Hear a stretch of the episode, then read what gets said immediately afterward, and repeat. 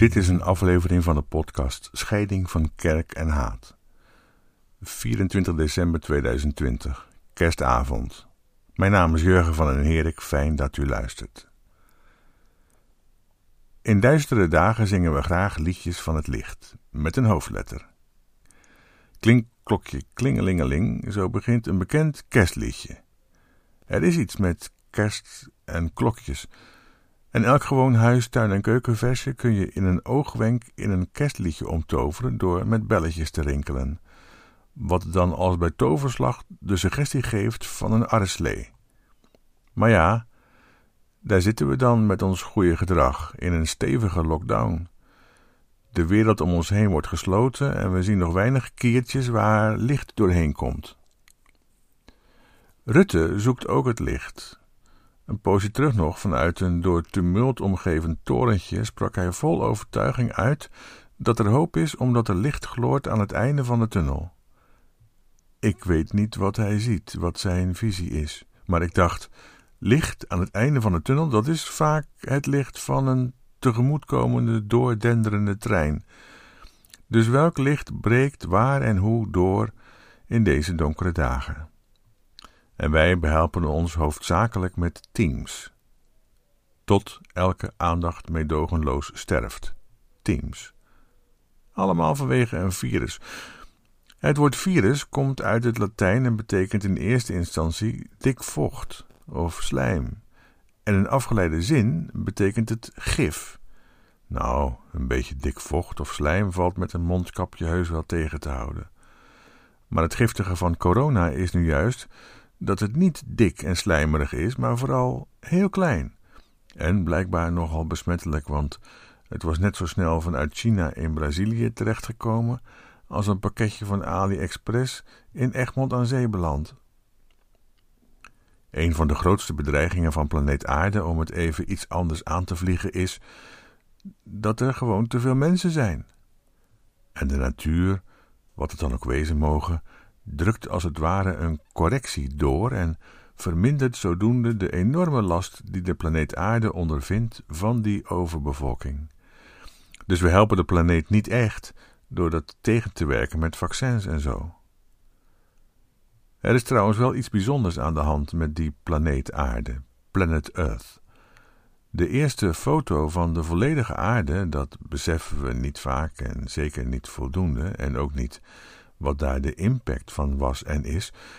De eerste foto van de aarde werd genomen door Apollo 17 in 1972, toen de NASA voor het laatst mensen naar de maan stuurde. Die iconische foto, de Blue Marble, blijft de enige foto van enkel en alleen de aarde in haar geheel genomen door een mens. Tot die tijd was er in de geschiedenis van onze planeet nog nooit iemand geweest die zo de hele aarde met eigen ogen heeft kunnen aanschouwen. Wel een vermoeden gehad hoe die eruit zou kunnen zien, maar nog nooit echt gezien met eigen ogen, nooit. En het heeft ons wereldbeeld ingrijpend veranderd, en we hebben vaak niet door hoe ingrijpend dat is. Planet Earth is blue, zingt David Bowie, and there's nothing I can do. Die blauwe knikker werkt op iedereen ongeveer gelijk. Het beeld is namelijk, en zo hadden we het tot 1972 nooit gezien, het beeld is namelijk dat van een vredig bolletje. Blauw als het kleed van Maria, rust uitstralend, stil en vrijwel onbewogen, maagdelijk als het ware, volstrekt stabiel. Van overbevolking is niets te zien. Evenmin is van armoede of honger ook maar iets waar te nemen, of van coronavirussen. Pas wanneer je inzoomt van het hele grote naar het hele kleine, naar dat kind op Lesbos dat in de modder, kou en honger lijdt deze kerstavond, pas als je inzoomt, merk je dat het niet zo stabiel is als het lijkt. Voor concrete mensen in veel gevallen in het duister.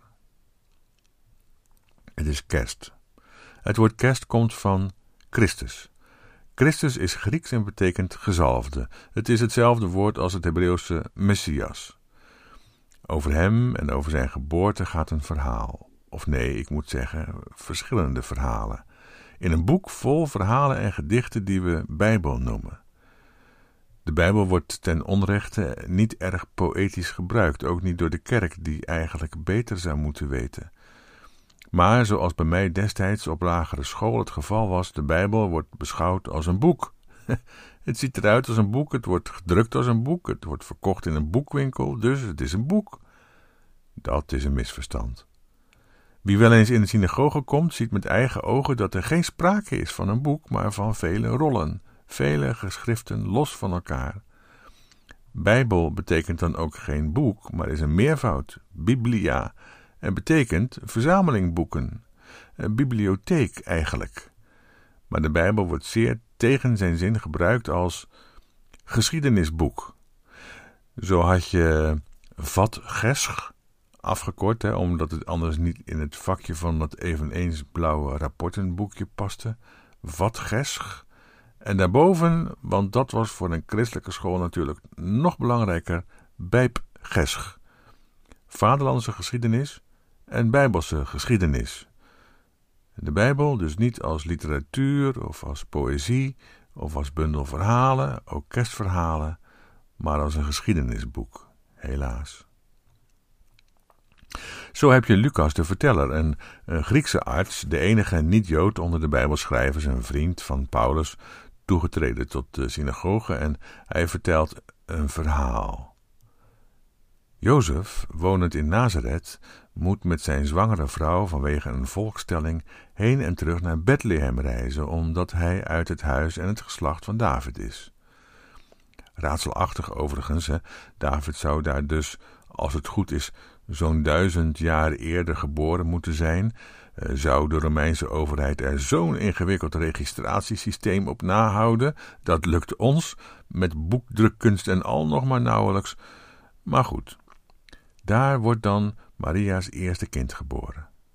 Na enkele religieuze plichtplegingen rondom de geboorte, het kind wordt besneden namelijk, zijn de ouders al spoedig weer terug in Nazareth, waar ze woonden. Oeps, daar is nog een verteller, Matthäus, en die vertelt ook een bijzonder verhaal. Jozef, woonachtig in Bethlehem, krijgt bezoek van wiggelaars uit het oosten twee jaar na de geboorte. Koning Herodes, die door diezelfde wiggelaars attent gemaakt wordt op het bestaan van een geboren concurrent, bedreigt dit kind. Het kleine heilige gezin vlucht daarop naar Egypte en keert na het bericht van de dood van Herodes terug naar hun woonplaats, Bethlehem. Maar omdat het gevaar uit Jeruzalem nog steeds acuut blijkt, want de zoon van Herodes is nu aan de macht en de appel valt niet ver van de stam, daarom wijkt Jozef uit naar het verre, veilige noorden en gaat dus niet naar huis, naar Bethlehem terug, maar vestigt zich in Nazareth en gaat daar wonen. Dus Lucas vertelt van Jozef wonend in Nazareth die naar Bethlehem gaat. En Matthäus vertelt van Jozef wonend in Bethlehem die naar Egypte gaat en daarna naar Nazareth. Voilà, daar klopt allemaal geen bal van dus. Ja, als we het opvatten als een historisch verslag, maar we moeten er naar mijn idee veel meer poëtisch mee leren omgaan. Dus nog eens onze vraag: waar en hoe breekt het licht door met kerst? En is dat het licht van Rutte aan het einde van zijn tunnel? Althans, dat lijkt zijn visie te wezen. Of ligt het anders? Dat hele verhalenboek begint met precies die kwestie. Onze vraag dus eigenlijk: hoe zit dat met licht in de duisternis? De profeet schrijft: Het principe van alle dingen is dat God scheppende is, de hemel en de aarde. Bereshit bara Elohim hashemayim we haaretz. Zo begint het in Genesis. En na dit motto van al die Bijbelboeken volgt er een gedicht over zeven dagen, met de bedoeling dat we één dag van die zeven niet hoeven te slaven en te sloven, maar ons gemak ervan mogen nemen. Daar eindigt het gedicht mee, namelijk. Het is poëzie, want als het een historisch verslag zou zijn, waanzinnig idee, maar goed, dan had de profeet natuurlijk nooit geschreven dat er dan allereerst licht moet komen en wel op de eerste dag, en dat pas op de derde dag het pitje in de fitting wordt gedraaid, de zon namelijk. De zon, moet je weten, was in de tijd dat deze tekst, het verhaal van de schepping, geschreven werd, zo omstreeks de ballingschap, dus grofweg zo'n halve eeuw voor Christus, wat het tot een nogal jonge tekst maakt, de zon was niets minder dan de allesbeheersende God van die dagen. Voor mensen toen was dat werkelijk zo. God zelf. Aan de zon werd geofferd. Dankzij de zon was er leven en elk jaar leek deze God te sterven. Maar o wonder, o genade, midden in de winternacht, op het donkerste moment kwam dat kreng weer tot leven en rees weer hoger op aan het zwerk. Tijd om de biervaten open te trekken, het vette varken op de spits te drijven en het er eens goed van te nemen. Sol Invictus, de onoverwinnelijke zon. Maar naast al dit midwintergeweld is het toch ook dat nooit echt vergeten verhaal van dat Joodse jongetje dat geboren werd en dat de hele wereld in een ander licht probeert te zetten. Omdat dat kwetsbare verhaal zich staande moet houden tussen rijk vloeiend bier en sudderende varkenshazen, dreigt het gevaar dat het verhaal van dat kind wat al te romantisch wordt opgevat. Wat leuk, zo'n wiegje met stro en die herdertjes zo lief met hun schaapjes, en dan die o zo trouwe os en dat welnemende ezeltje. Het is een kwetsbaar verhaal van een Joods kind van geringe komaf, dat zijn leven heeft gesteld in het teken van aandacht voor anderen. Ja, heel bepaalde anderen. Weduwen en wezen vooral, zieken en mensen die met de nek werden aangekeken, lammen, blinden, melaatsen, hele volkstammen die door de tempel, de godsdienst, werden uitgebuit tot op de laatste cent. Zodanig dat de gearriveerde godsdienstigheid in zijn dagen samen met de politieke leiders, dat niet heeft kunnen verkroppen, en zo is hij als jonge opstandige slaaf een slavendood gestorven.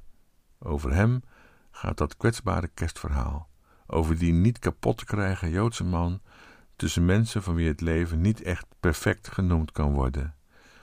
Dat is dus niet een successtory over een held die weliswaar door een tragisch lot wordt getroffen en wel de doodstraf door de Romein Pontius Pilatus, maar met wie het helemaal weer goed is gekomen na de opstanding, zodat er toch een held, een wereldheerser bij kans geworden is, een van de groten der aarde.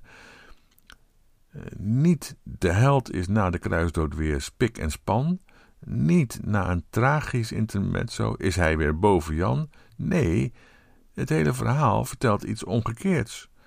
Deze jonge man, die door de machthebbers is gekruisigd als Messias, die daarom Messias was omdat hij oog had voor de slachtoffers van diezelfde machthebbers, hij is niet dood. Hij leeft onder ons.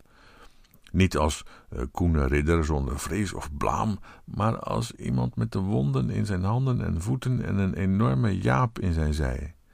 Het is het kwetsbare verhaal van een moedige jonge man die oog en aandacht had en hield voor gewone mensen in hun heel gewone leven.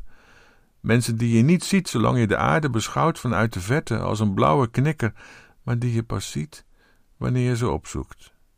In het kleine, het gewone ruggen van ons bestaan. En daar is het leven niet altijd in balans en perfect en geslaagd en succesvol.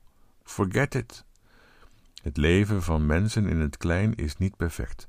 Door alles lopen scheurtjes en barstjes, ons werk, onze relaties, onze gezondheid. We hoeven ons niet groter voor te doen dan we zijn. Er zijn netwerken waar niet elke aandacht uiteindelijk meedogenloos sterft, maar onverwoestbaar blijkt, door dik en dun. Aandacht, aandacht voor elkaar en voor ons niet perfecte leven, want, en nu wil ik eindigen op deze kerstavond met poëtische regels van nog een Jood. Geen Bijbelschrijver, maar wel een die mooi schrijven kan. Leonard Cohen.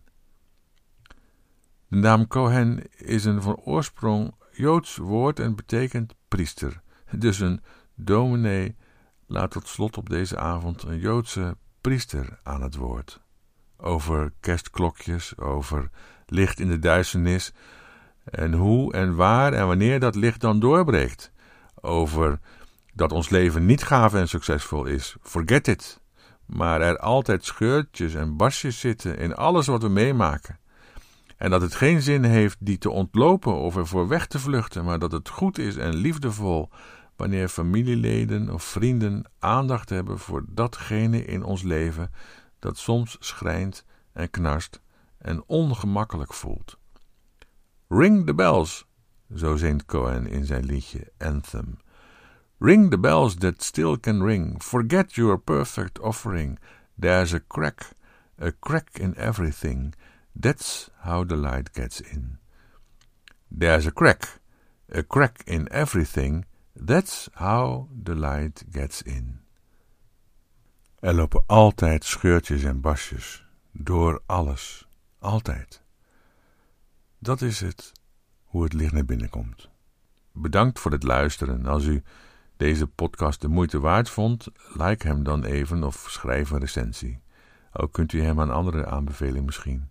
Hartelijk bedankt in elk geval en tot een volgende keer. Goede kerstdagen.